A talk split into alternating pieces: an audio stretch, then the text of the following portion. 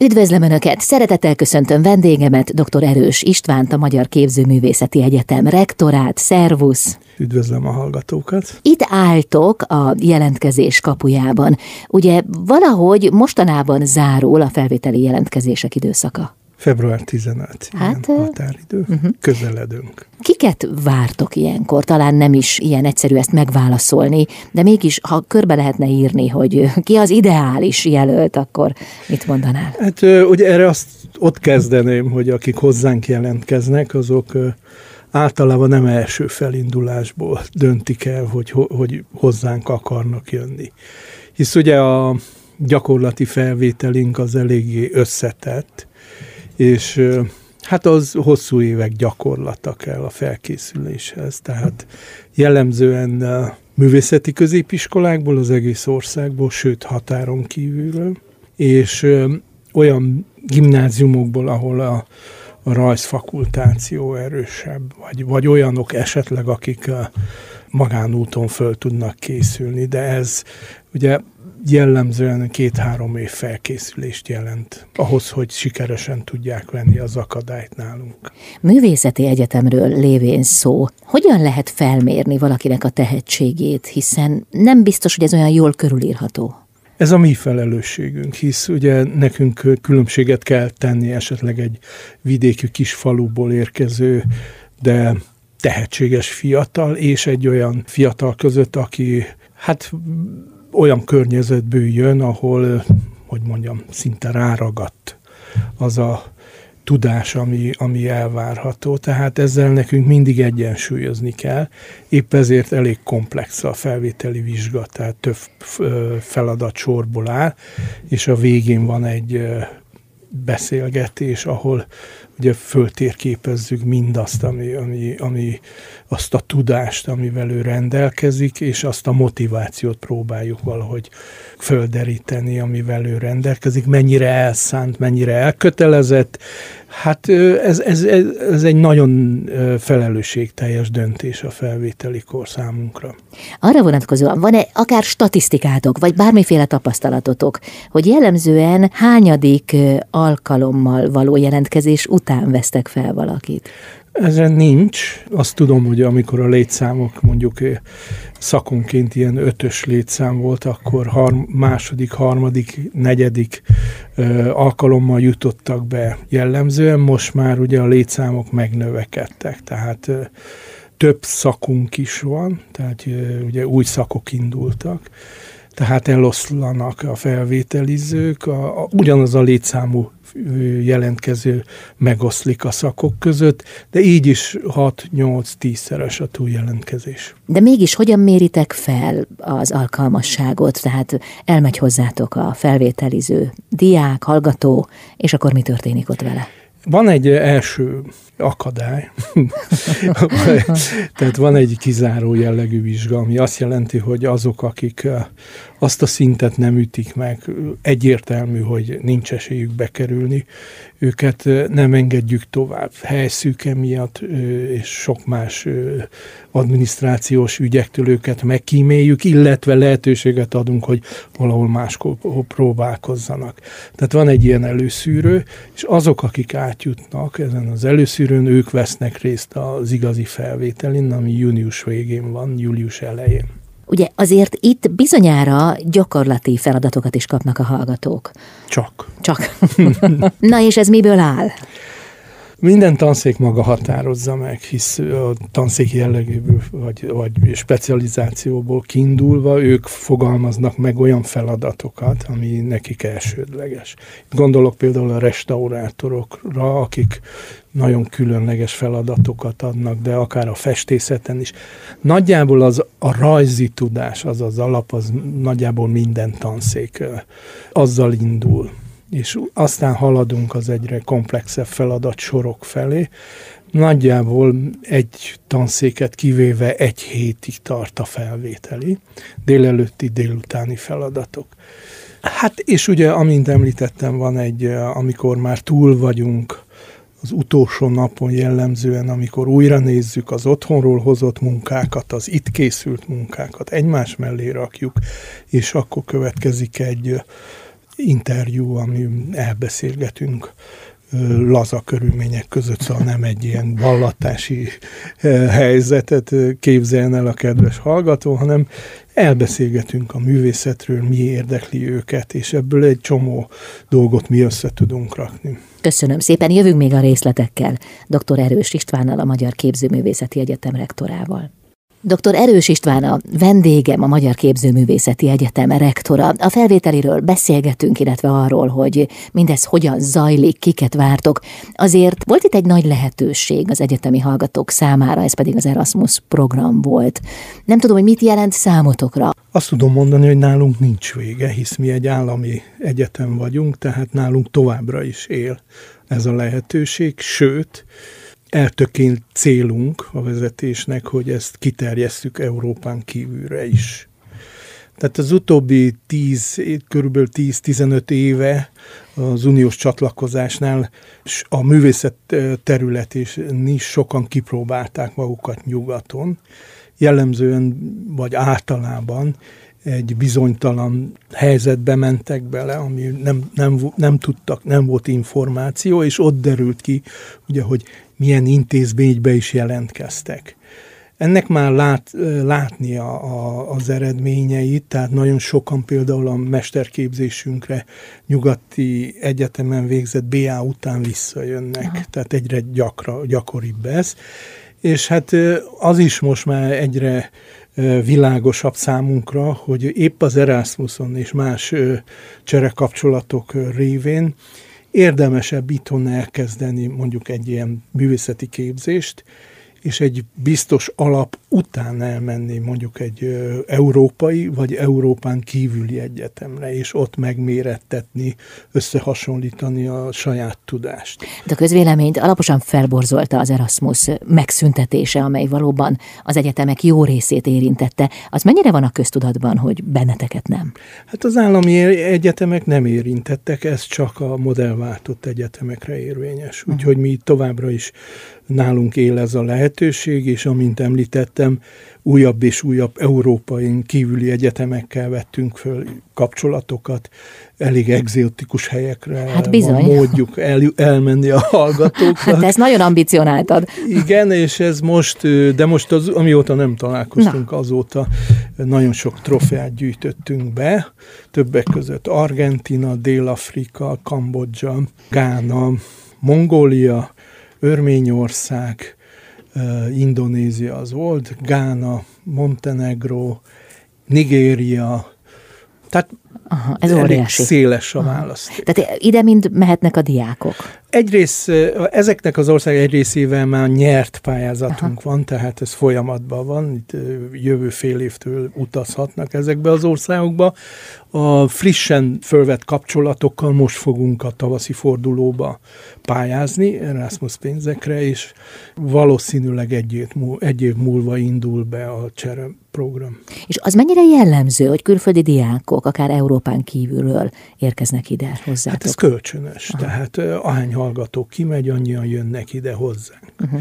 És ez nem csak a hallgatókra, oktatókra is vonatkozik, tehát különböző számban mehetnek és jöhetnek oktatók, sőt, nem oktatók is tehát ez az Erasmusnak el az a jellemzője, de nyilván a fókusz a hallgatókon van. Miután te is nagyon sok időt töltöttél Európán kívül, akár a munkásságodból kifolyólag, már mint arra gondolok, hogy amikor még nem rektorként tevékenykedtél, de egyébként most is jársz, szóval, hogy akkor te nyilván olyan kapcsolatokra tettél szert, amelyeket most tudsz hasznosítani. Hát nagyjából ezekre a kapcsolatokra épül most ez az intézményi kapcsolat is, az ott szerzett barátok, ismerősek, akik szintén felsőoktatásban dolgoznak.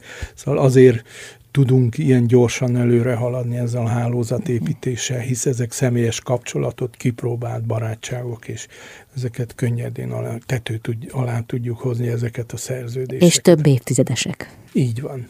Köszönöm szépen. Jövünk vissza, folytatjuk a beszélgetést. Vendégem dr. Erős István, a Magyar Képzőművészeti Egyetem rektora. Dr. Erős István a vendégem, a Magyar Képzőművészeti Egyetem rektora, a felvételi jelentkezések záró pillanata előtt vagyunk éppen. Ez téged megérint érzelmileg? Hiszen te is a képződiákja voltál. Igen. ugye akkor még elég Szóval még nehezebb volt megugrani ezt az akadályt. De hát azt átéltem a gyerekeim révén is, úgyhogy, és sőt, még most is átélem a kisebbik gyerekem révén. Tehát ugyanúgy izgulok én is, mint egy bármilyen apuka. De hát ugye az intézményi szinten azért lényeges a, a jelentkezők száma. Nem csak azért, mert büszkélkedhetünk, hogy hány, hányszoros a túljelentkezés, hanem ennek szakmai okai vannak, hisz minél többen jelentkeznek, annál nagyobb a merítési lehetőség, és annál színvonalasabb osztályokat tudunk összerakni. Tehát ez, ez az intézménynek a jól fölfogott érdeke. Épp ezért indítottunk el mi magunk egy, egy előkészítő osztályt, tehát olyanok, akik hozzánk jelentkeznek, szombatonként fölkészítjük őket. Így mindenki jól jár. Nagyobb eséllyel mennek neki a felvételinek, mi meg egy képzettebb hallgatói csapatot kapunk. Angol nyelvű képzés is indul nálatok. Hát az előbb említett cserekapcsolatok Aha. miatt is, meg a meglévő európai Erasmus kapcsolatok miatt is már van ugye Erasmus kapcsolat miatt, de most el akarunk indítani teljes képzést. Tehát ez is van már a, a Stipendium Hungáricum, a magyar állam által felajánlott ösztöndíjasok általában angol nyelvű képzést kapnak. De ezt most ö, tudatosan és szakonként el fogjuk indítani. Ahhoz, hogy, hogy egyrészt hogy nemzetközi hallgatókat tudjunk fogadni, rengeteg érdeklődő van, főleg Ázsiából, és ugye ez egy mindig egy kockázatos dolog, más egyetemek tapasztalataiból kiindulva beengedni, hogy mondjam, ellenőrizetlenül hallgatókat, ez egyfajta kockázat a színvonalat illetően. Ezért azt találtuk ki, hogy szeptembertől indítunk angol nyelvű előkészítő képzést, uh-huh. ami azt jelenti, hogy napi négy órában őket céltudatosan különböző szakokra fölkészítjük. Aki veszi az akadályt, bejut, ő itt marad rendes hallgatónak, aki nem üti meg azt a szintet, az, attól elbúcsúzunk, vagy kezdi újból ezt az előkészítőt. Így egyfajta garanciát kaphatunk egy színvonal csökkenés miatt. Nem lesz pro aggódni valunk, és hát beindul, ugye legalábbis most teszt üzemmódba az angol nyelvű képzés nagyjából minden, majdnem minden szakon, tehát most egyelőre a festészet, szobrászat, grafika, vizuális művész és képzőművész, és aztán apránként az igényeknek megfelelően a restaurátort, szakot szeretnénk angol nyelven is elindítani. Úgy néz ki, hogy van rá kereslet, és nekünk nem csak a bevétel miatt lényeges, az is fontos, de ugye egy más kultúrkörből ide érkező hallgató megítélésem szerint jótékonyan hat a mi hallgatónk, inkra is. Milyen tapasztalataitok vannak ezen a téren?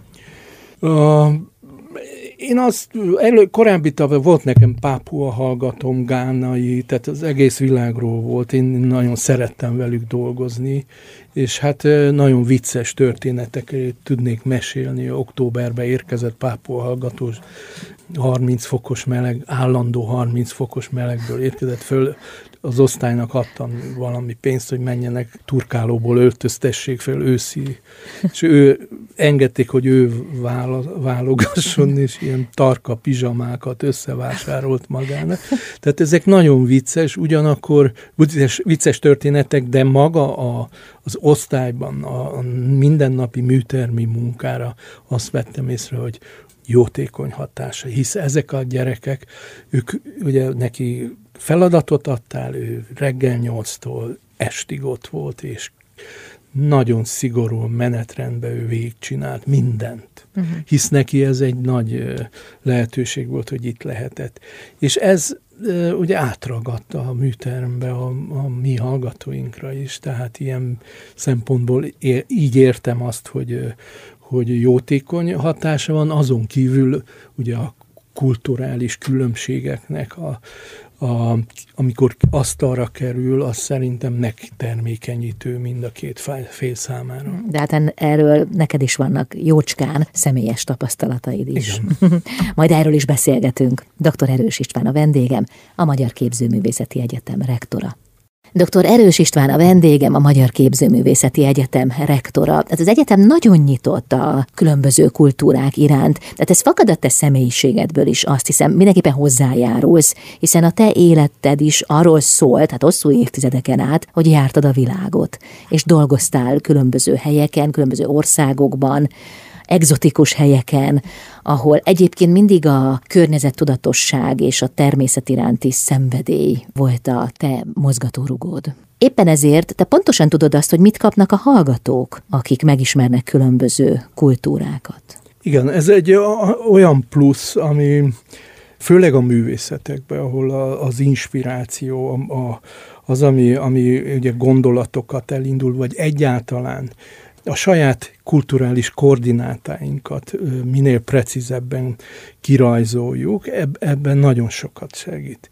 Tehát maga a, a képzőművészet formanyelve is olyan sokszínű, olyan tág, hogy szerintem az, hogy, hogy a, a saját identitásunkat, kulturális identitásunkat minél pontosabban, precízebben el tudjuk helyezni ezen a szcénán, ezek a, a kulturális reflexiók nagyon sokat segítenek. És én ezt saját magamon tapasztalva, ahogy említetted, ezért ö, szorgalmazom és, és motiválom a kollégáimat is, hogy minél több kapcsolatunk legyen, minél több helyre legyenek, ö, legyen lehetősége a hallgatóinknak elmenni, és azt remélem, hogy ha ezt megízlelik, és ö, ugye egyre többen szeretnének menni ezek külföldre, Európán kívül vagy Európába, akkor ez egyfajta versenyhelyzetet is teremt intézményen belül, hisz a legjobbak mennek értelemszerűen.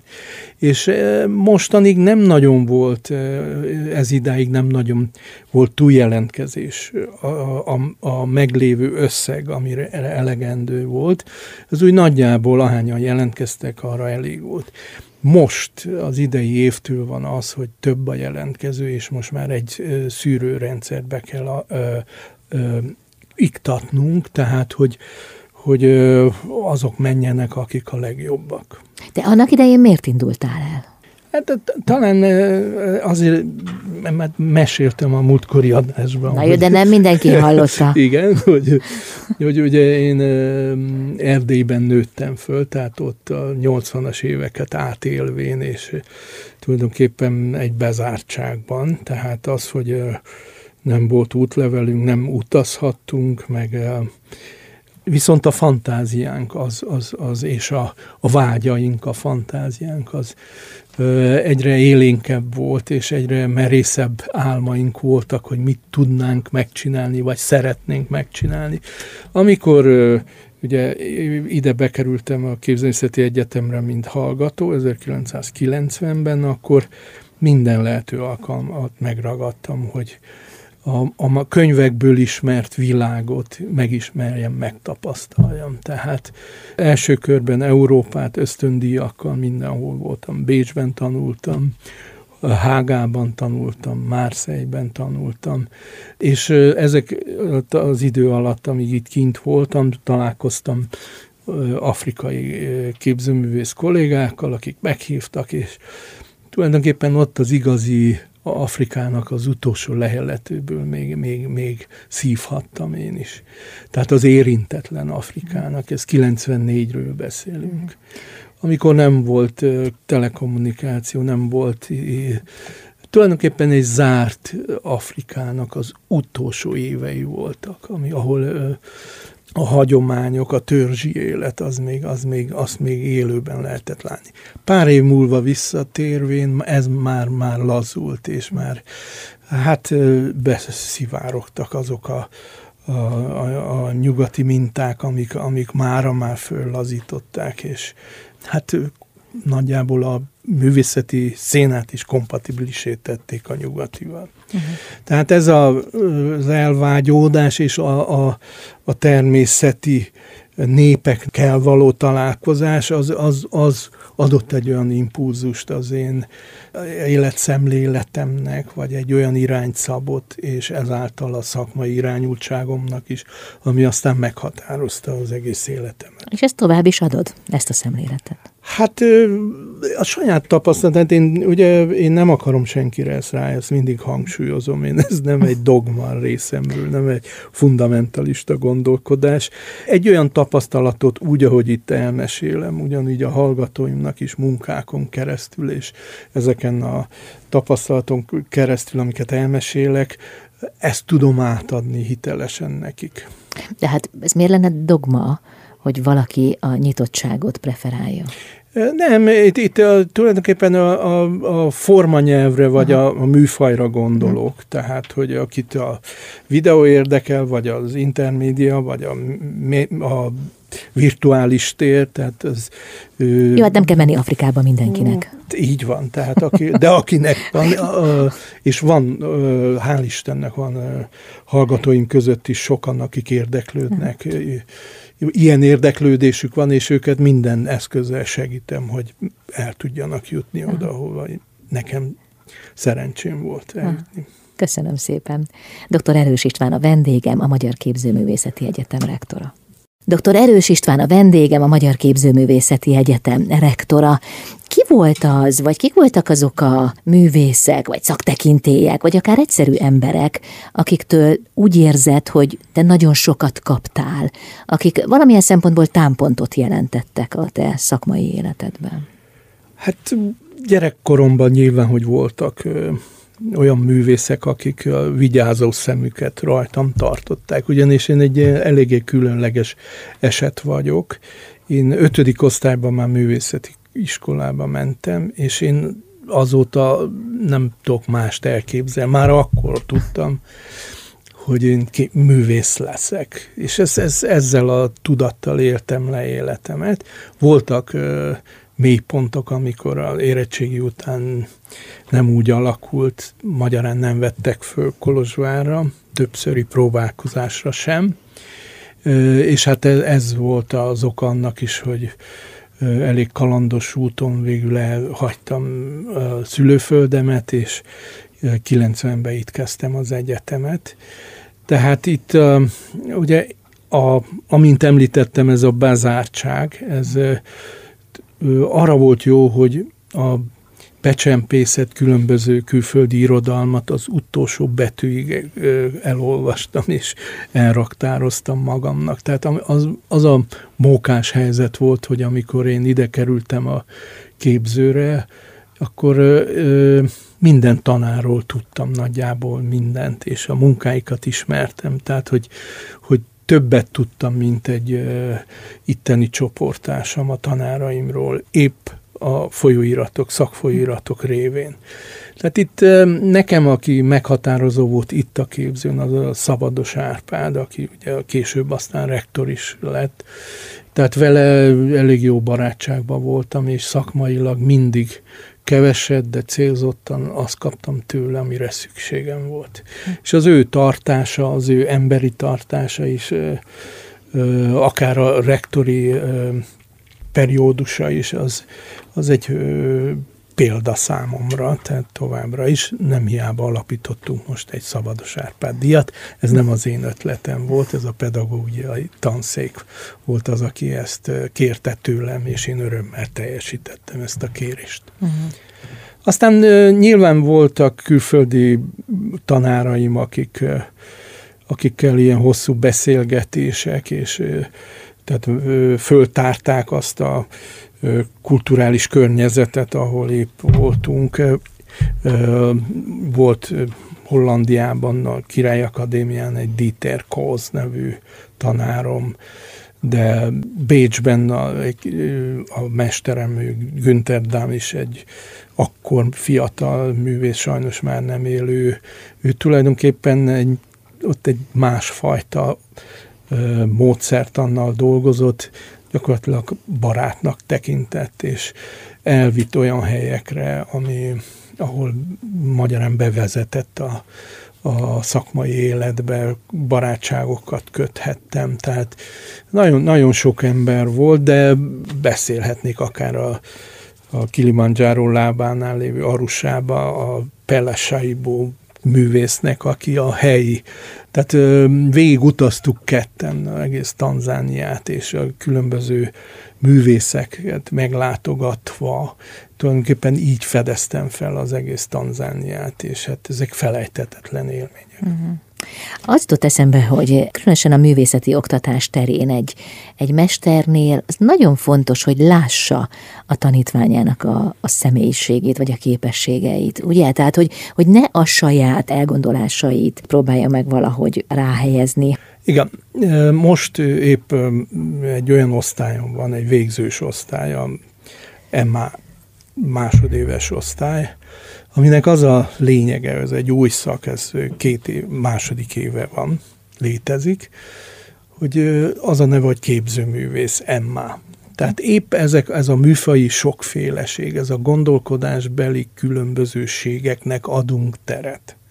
Tehát, hogy az egyik hallgató kimondottan performance-el foglalkozik, másik videót vág, a harmadik fest, a negyedik plastikai installációkat készít, tehát mindenkinek más az érdeklődési területe, és ez deklaráltan ez a célunk, hogy segítsük őket ezeken a, ebben a műfai sokféleségben megtalálni az, ami a legadekvátabb az ő személyiségüknek és a, a gondolkodásuknak, vérmérsékletüknek, és a legérdekesebb és a legfontosabb megtalálni hogy, hogy mi nekik segíteni megtalálni azt a műfai lehetőséget, amiben ők ki tudják a legkönnyebben fejezni saját magukat. Ez egy nagyon érdekes dolog, hisz, mint említettem, ez a második évfolyam, tehát nincsenek előképek. Ezeket mi raktuk össze, mi kísérleteztük a módszertanát ki, de nagyon érdekes látni, hogy, hogy hogy hányféle megközelítés van, és, és hogy kristályosodik ki előttük, hogy kristályosodnak ki különböző lehetőségek, és hogy indulnak el különböző utakon.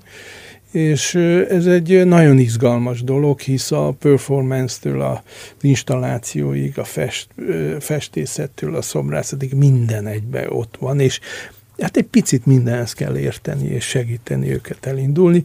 Nyilván, ami túl messze nem merészkedem, ami olyan speciális terület, akkor megkeressük a megfelelő embert, és segítséget kérünk tőle. De ilyenkor nincs ott a késztetés a tanárban, vagy a mesterben, hogy nagyon a saját elképzeléseit próbálja megvalósítani. Én próbálom ezt leküzdeni. tehát, és viszont van olyan másik osztály, más osztályokból, más szakokon, akiket az érdekli, amit ami az én szakterületem, mm.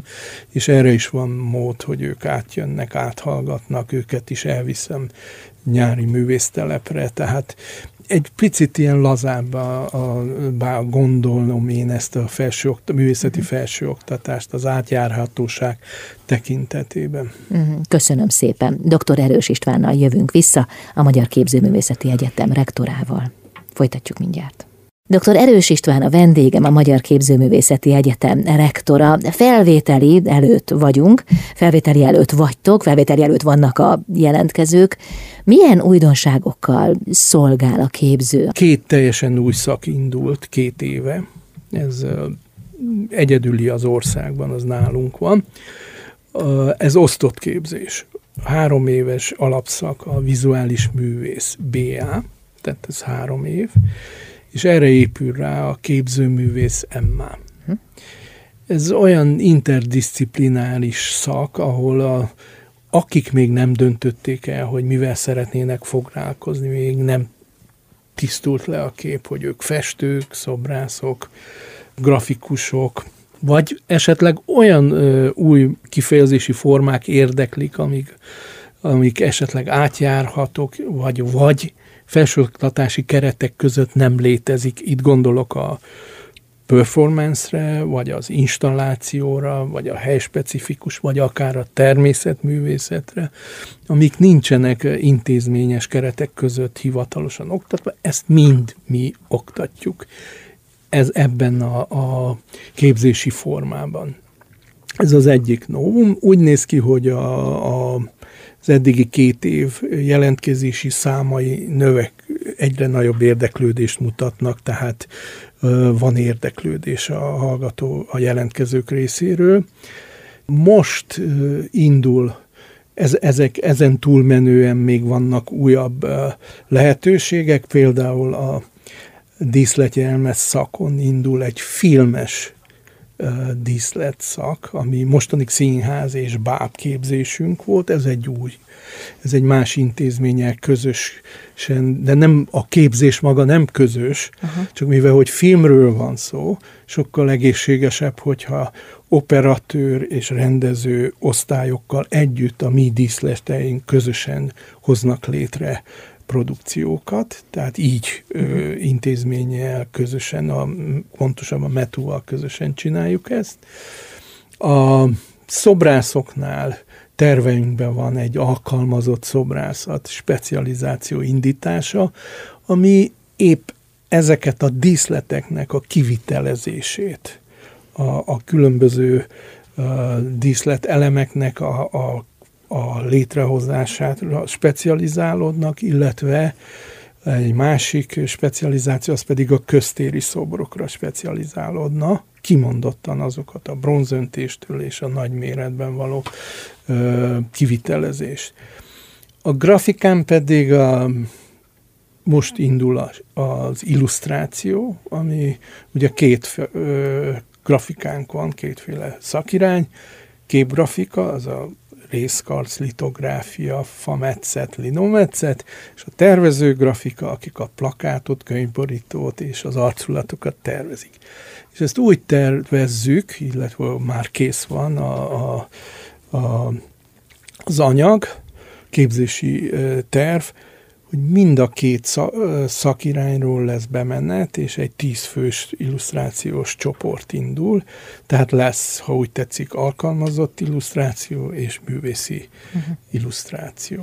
Ugye a, a filmes díszlet, az ilyen képzés nincs Magyarországon, ez nagyon könnyű, mert nálunk van, és Kaposváron ilyen jellegű képzés, és egyik helyen sincs. Viszont óriási az igény. Tehát ez különböző baráti körökből ismerősök, akik a filmiparban dolgoznak, onnan jött, ez szóval uh-huh. azért egy valós igény, hisz onnan jött a megkeresés, uh-huh. hogy, hogy bármennyi a, tudnak alkalmazni ilyen, ilyen szakemberből. És akkor ez, hát ez egy, nem egy egyszerű folyamat összerakni a tanmenetet, stb. Tehát, hogy ennek van bürokratikus része, de ezen már túl vagyunk, működik, és jól működik, és ami a legnagyobb elismerés, hogy egy köszönő levelet kaptam az egyik tanártól, hogy milyen fantasztikus, és hogy milyen jó ötlet volt, és ezt folytatni kell. Tehát ugye ez, ezek a valós igények, tehát az, hogy a szobrászainknak jelentős része a diploma után elmegy a filmiparba, és ott dolgozik, és ott tanulja meg azt a speciális tudást a, a terepen, ezért gondoltjuk mi azt, hogy miért ne hozzuk be a képzésbe, és egy klasszikus szobrászi képzés mellett, akit érdekel ez, már a a fe, az oktatásban nálunk tanulja meg ezt a kapja meg ezt a speciális tudást. Uh-huh. Tudod, az jutott eszembe, hogy azért a művészekről jellemzően az a kép él az emberben, hogy ne, nem élnek olyan jól. De te most olyan szakokat mondtál, amik elég jó kereseti lehetőséggel kecsegtetnek amikor valaki dönt egy, egy, egy szak mellett, vagy egy specializáció mellett, akkor, akkor mit gondolsz, hogy, hogy mi az, ami előrevívő, hogyha a belső elkötelezettsége után megy, vagy pedig, hogyha a racionális kinti világot veszi alapul? Ugye itt jellemzően a, a szenika és díszleti elmeszag, ezek alkalmazott művészetek, tehát hogy ez nem autonóm alkotó uh-huh. művészet. A tervező grafika szintén, tehát hogy ez, ezek eleve adottak. Igen. Szobrászat esetében más. Tehát itt az a helyzet, ugye, amint említettem, nagyon sokan ebből éltek meg, és mellette csinálták a szobrászi praxisukat, és, és csinálták a művészi karrierjüket, építették. Tehát a kettő megfér egymás mellett, azt gondolom. De van egy másik terv, amit, amit, amit úgy már a fenntartó felé már fölvázoltam, ez pedig az, hogy épp a az autonóm művészet területén tanulóknak, festők, képgrafikusok, a szobrászoknak a legkritikusabb pont a diploma megszerzés utáni periódus. Uh-huh. Itt a legnagyobb pálya elhagyás, lemorzsolódás, hisz amikor szembesülnek ezzel a kérdéssel, ezzel a problémával, amit te is említettél, hogy hogyan éljünk meg, és ugye ez a védőburok oda lesz, amit az egyetem nyújt a hallgatóknak, ez a legkritik. Itt, itt, itt a, a, ebben az egy-két évben van a legtöbb pálya elhagyó. És erre találtuk ki, és vázoltunk fel egy tervet, hogy azoknak, ugye jellemzően a diplomamunka védésből minden évben kiválasszuk a legjobbat, és abból van a Best of Diploma című kiállításunk, ezek a legjobbak, akik a szakmailag a legjobbat teljes.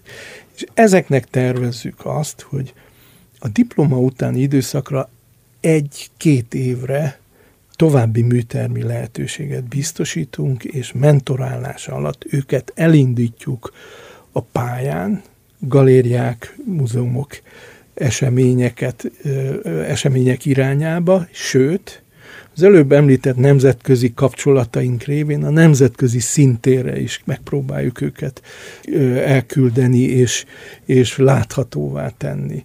Tehát ez, ez tudom, egy picit költségigényes, ugye egy, egy frissen végzetnek egy akár egy 10-20 négyzetméteres műtermed, de nem kivitelezhetetlen. Konkrét terveink vannak, hogy ezt hogy lehetne megvalósítani, és én azt hiszem, hogy ez sokkal láthatóbbá tenné a magyar kortás művészetet a nemzetközi szcénába. Ez akár országimás szempontjából is jelentős előrelépés lenne, hisz ez, ez a, a kortás művészet tömve vannak a, a nagy múzeumok.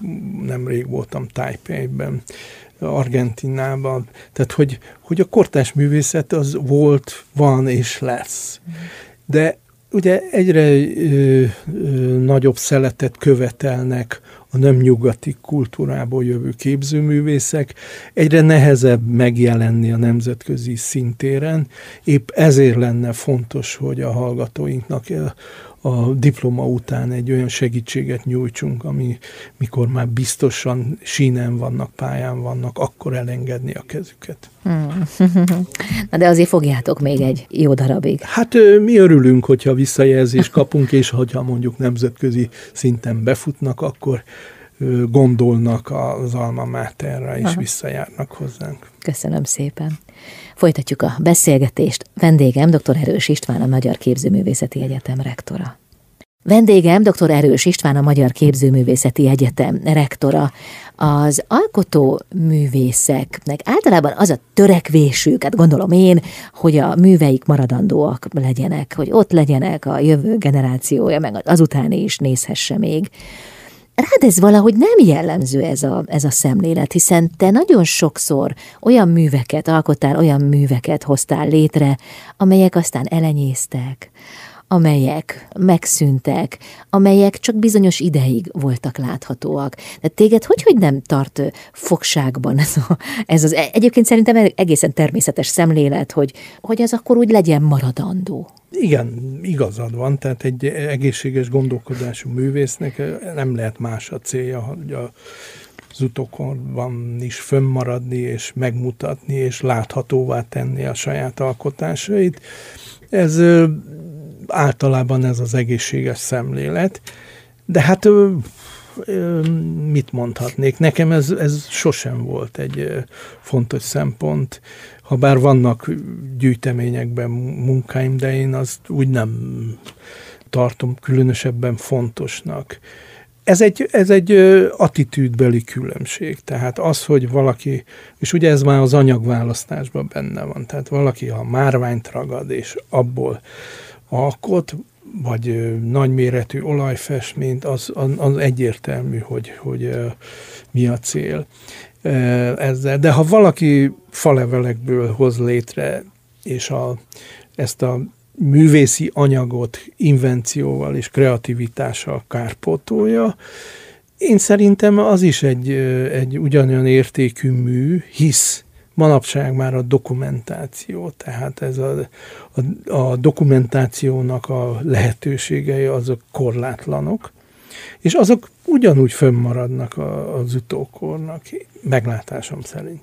Tehát itt akár a eléggé ismert, nem tudom, hallgatók mennyire is az Andy Goldsworth a munkáira gondolhatunk, aki néhány falevélből olyan esztétikai minőséget hoz létre, olyan, olyan élmény generáló műalkotást, amire rengetegen kíváncsiak, és nagyon sok albuma jelenik meg, videó, filmek készülnek róla, és ő ezt a végtelen szabadságot éli meg a természetbe, és tulajdonképpen gyereki játéknak szánja ezt, vagy azzal ötvözi ezt a nagyon komoly ö, tudást igénylő alkotási metódust. Tehát valahogy én is úgy vagyok, hogy, hogy az adott helyzet, az adott táj, kontextusa a műalkotással, az, az mindig nagyon fontos nekem. Tehát ne legyen indiferens, hogy bármelyik falra fölkaszható legyen. Ez valahogy így alakult, és én talán abban látom a titkát ennek, hogy nem lehet automatizmusból alkotni. Gyakran előfordult nálam is, hogy ami sikerült, bólogattak, elismerően szóltak egy munkára, azt, azt egy más variációba újra csinálni, és újból és újból, hogyha a reflexió olyan, akkor, akkor tulajdonképpen klónozni egy jó sikerült műalkotást. A helyspecifikus munkáknál ez nem lehetséges, mert minden egyes hangulatra, minden egyes környezetre egy adott, arra az adott környezetre hangszerelt műalkotást kell létrehozni, és ez teljesen újnak kell lennie, nem lehet megismételni. Melyik volt a legutolsó ilyen munkád? A legutolsó az, az Izmirben készült. Ez nagyon érdekes, ez nem, épp nem ilyen, de elmesélem akkor. Tehát, hogy az izmiri textil biennáléra hívtak meg engem, aki a textilhez. Én, én úgy tudtam, hogy nincs közöm, de meghívtak. És ugye jele, oda kellett volna munkát küldeni. És mondtam, hogy ne, nekem nincs.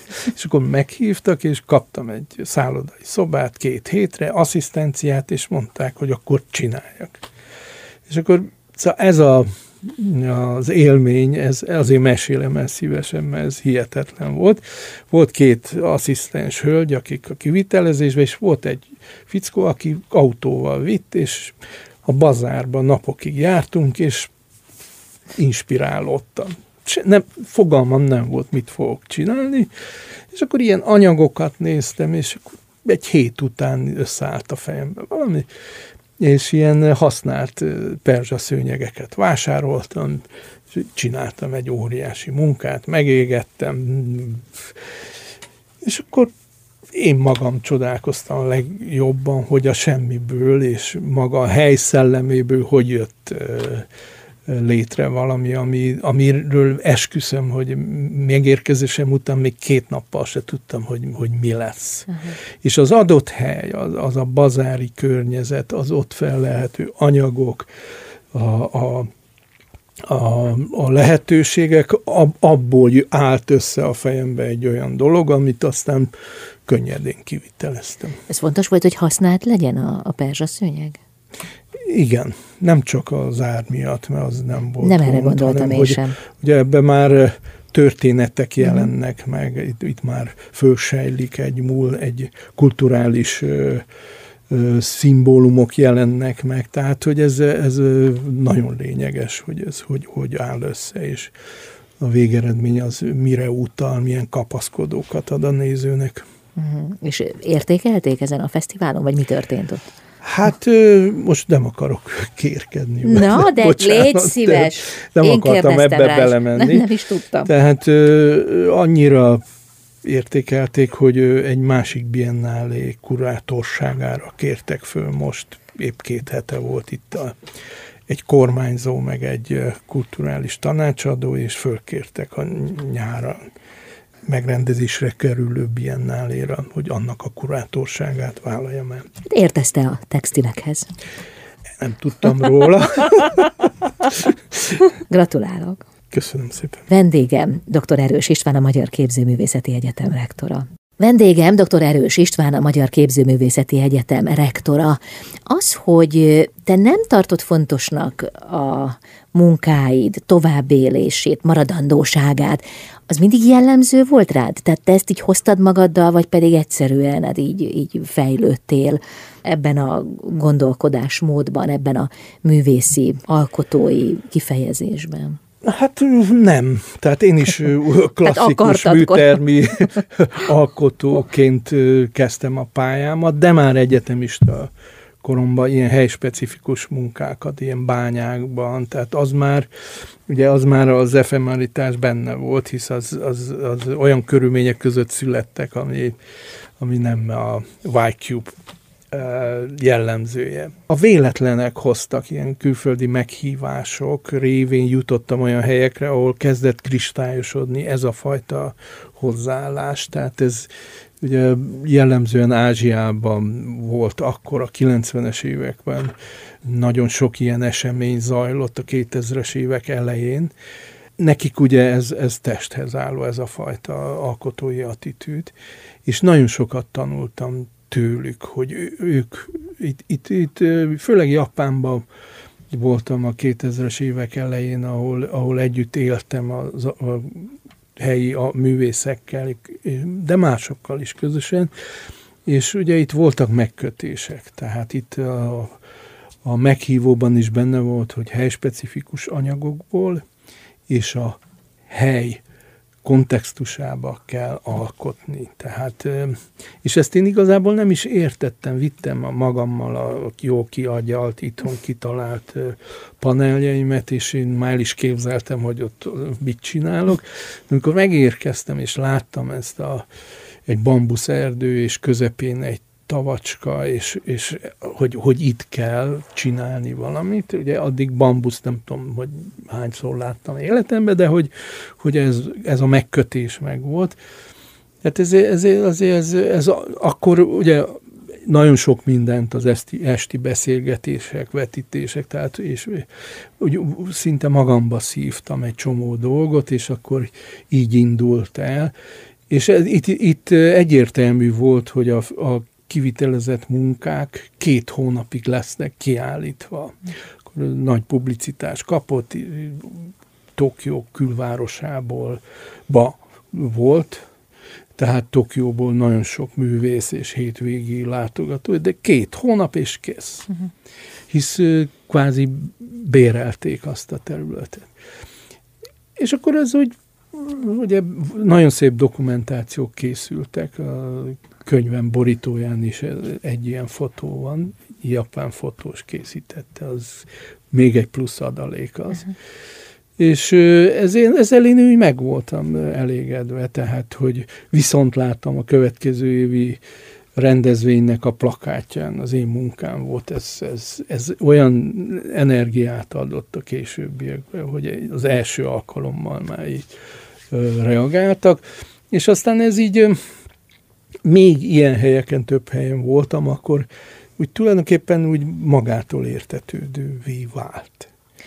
És az, hogy, hogy ugye a, a dokumentációs anyagot viszont rendszerezve szépen, és ezt föl is dolgoztam egy könyv formájába, és előadások formájába, ez nekem elég, hogyha órákon, fél éves kurzusokon vetitek, nem csak a saját munkáimról, de hogy az is, hogy a saját tapasztalatokat is valahogy átad, hogy átadhassam. Ez ugye engem kielégít, és mindig viszont látom kivetítve, most is tartottam Tájván, meghívtak egy külön előadásra, ebbe a témába, csak ezért hívtak meg, és akkor itt, itt verbálisan is kiélhetem magam, és úgy gondolom, hogy, hogy a munkáimat, hogyha a munkáimról is tudok beszélni, az úgy nekem talán még jobb is, mint hogyha valahol ki lenne egy munkám, jó esetben egy munkám egy neves múzeumban kortás mhm. múzeumban. De itt ebben az esetben két hónapig élt a te munkád. Így van.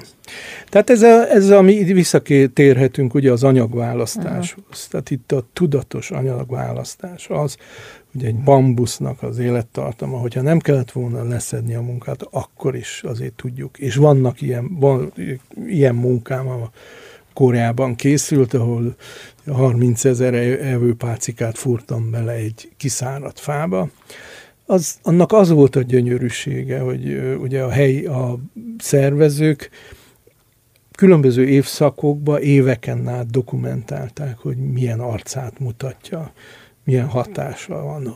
Havas háttérben, őszi színes hát, levelek között, de, és hogy, tehát tulajdonképpen a, az elmúlás ciklusa az úgy, úgy szépen leírható, egy, egymás mellé rakjuk a dokumentációs fotókat.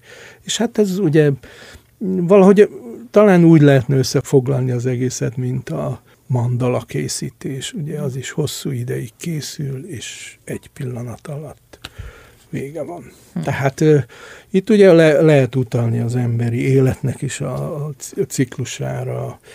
Különböző megközelítési módok vannak, hogy uh, hogy de mindenképp egyfajta szabadságérzés, hogy a nem ragaszkodás tudása az, az ad egyfajta szabadságot. És akkor ahhoz sem ragaszkodsz természetesen, hogy az maradjon, hogy az legyen. Ö, vannak, tehát vannak szép rajzaim, bocsánat, hogy ilyet mondok. csak. Vannak otthon a nappaliba is képen, festményem, tehát hogy ez nem, amint említettem, én nem fundamentalista módon ehhez ragaszkodom, csak hogyha ilyen helyzetbe kerülök, én nem érzékenyülök el, hogy mi lesz vele, ja Istenem, vagy, vagy mi lesz a sorsa, vagy, vagy néha kapok Németországban 20 évek készítettem egy nagy művet fából, hogy itt egy picit rohad, és most mit csináljanak, hogy restaurálják. És akkor meglepődnek, mikor azt mondom, hogy nem kell azt restaurálni, hát ez a lényege, ezért készült így. Uh-huh. Hmm. Hát, hogy elmúljon. Elmúljon, így van. Hmm. Tehát, hogy az efemeritás, szerintem a múlékonyság, az eltűnés, az, az bele van kódolva, amikor az ember anyagot választ. Uh-huh. Hát mint ahogy az életünkben is. Így van. Térjünk vissza a Magyar Képzőművészeti Egyetemhez. Mit gondolsz, hogy a magyar kortárs művészeti szcénából hányan végeztek nálatok? Hát, hosszú ideig ez volt az egyetlen képzőhely, tehát nagyon egyszerű, tehát az utóbbi időben nem olyan túl rég van ugye a Pécsi Egyetemnek egy művészeti kara, most Egerben van, aztán Szegeden a rajztanár képzőből lett szintén olyan hely, ahol, ahol művészet közvetítőket, Nyíregyházán van, tehát a Metumban, tehát van, van néhány hely, és ez egy meglátásom szerint nagyon egészséges egy ilyen konkurencia, konkurencia megjelent, és, és hogy, hogy motivál mindenkit, nem lustul el senkit, van egyfajta egészséges verseny, megjegyzem, mindenkivel nagyon jó a viszonyunk, de hosszú-hosszú év, év sőt, évszázadig a képző volt a képző. Tehát aki a magyar képzőti szénában jelentős művész, hát százalékban lehet, hogy 80-90 százaléka nálunk végzett. Hmm. Tehát mivel, hogy itt volt az egyetlen képzési lehetőség, de hát ugye az ember, hogyha belegondol, épp ma beszélgetünk arról, hogy ebbe a terembe ült Szinnyei Merse Pál, de, de bárkiről beszélünk, ők nagyjából mindenki ott végzett nálunk, tehát hogy a, a mostani nagy kiállítások a műcsarnokban, akik ott vannak, mind képzőn végeztek. Most már ugye, amint említettem, sokféle lehetőség van Magyarországon, de hát ugye vannak olyan szakjaink, ami, amiben monopól helyzetben vagyunk, például a restaurátorszak, tehát hogy az, az nincs is rá több ö, igény, tehát hogy ez viszont egy olyan felelősségteljes képzés, ami, ami ugye csak hogy érzékeltessem, a diplomamunkák jellemzően a műcsarnokból jönnek, és tanári felügyelettel hallgatóink restaurálnak akár egy középkori festményt. Uh-huh. Biztos vagyok abban, hogy nagyon sokan, akik elmennek a felvételire, ugye júniusban, hiszen előtte van egy ilyen elő felvételi, Igen. tehát nagyon izgulnak, akár attól, hogy találkoznak veletek, akár attól, hogy hogyan fognak ott megnyilvánulni, hogyan tudják önmagukat vállalni, mi az elvárás. Szóval ilyenkor mindenféle ott van az ember fejében. Ti ezt biztosan látjátok. Hát igen, és azt javaslom, hogy ne izguljon senki. az nem tesz jót. Ugye könnyű az asztal másik oldaláról ilyen okosakat mondani, de ezt komolyan mondom, hogy mi nem inkvizíció vagyunk, mi nem büntetünk, nem. Tehát mi egyszerűen meg akarjuk ismerni. A munkákat azt látjuk, az nagyjából összeáll a kép, hogy milyen szinten van de hogyha mögötte egy, egy olyan ö, embert látunk, akinek esetleg nem volt lehetősége annyit ö, képezni magát ezen a területen, mert amint említ, valahol vidékről jön, vagy, vagy épp nemrég kezdett hozzá, de mi abból a fejlődési ívből le tudjuk szűrni, hogy milyen képességekkel rendelkezik. Tehát ez a mi felelősségünk, hogy ezeket mérlegeljük, és azokat kiszűrjük tényleg, akiket érdekli ez, elhivatottak, és megvan benne a motiv, bennük a motiváció, és, és, és érdekli őket ez a, ez a képzőművészet. Kívánom, hogy legyen jó nehéz dolgotok. Köszönöm szépen, és várjuk a jelentkezőket.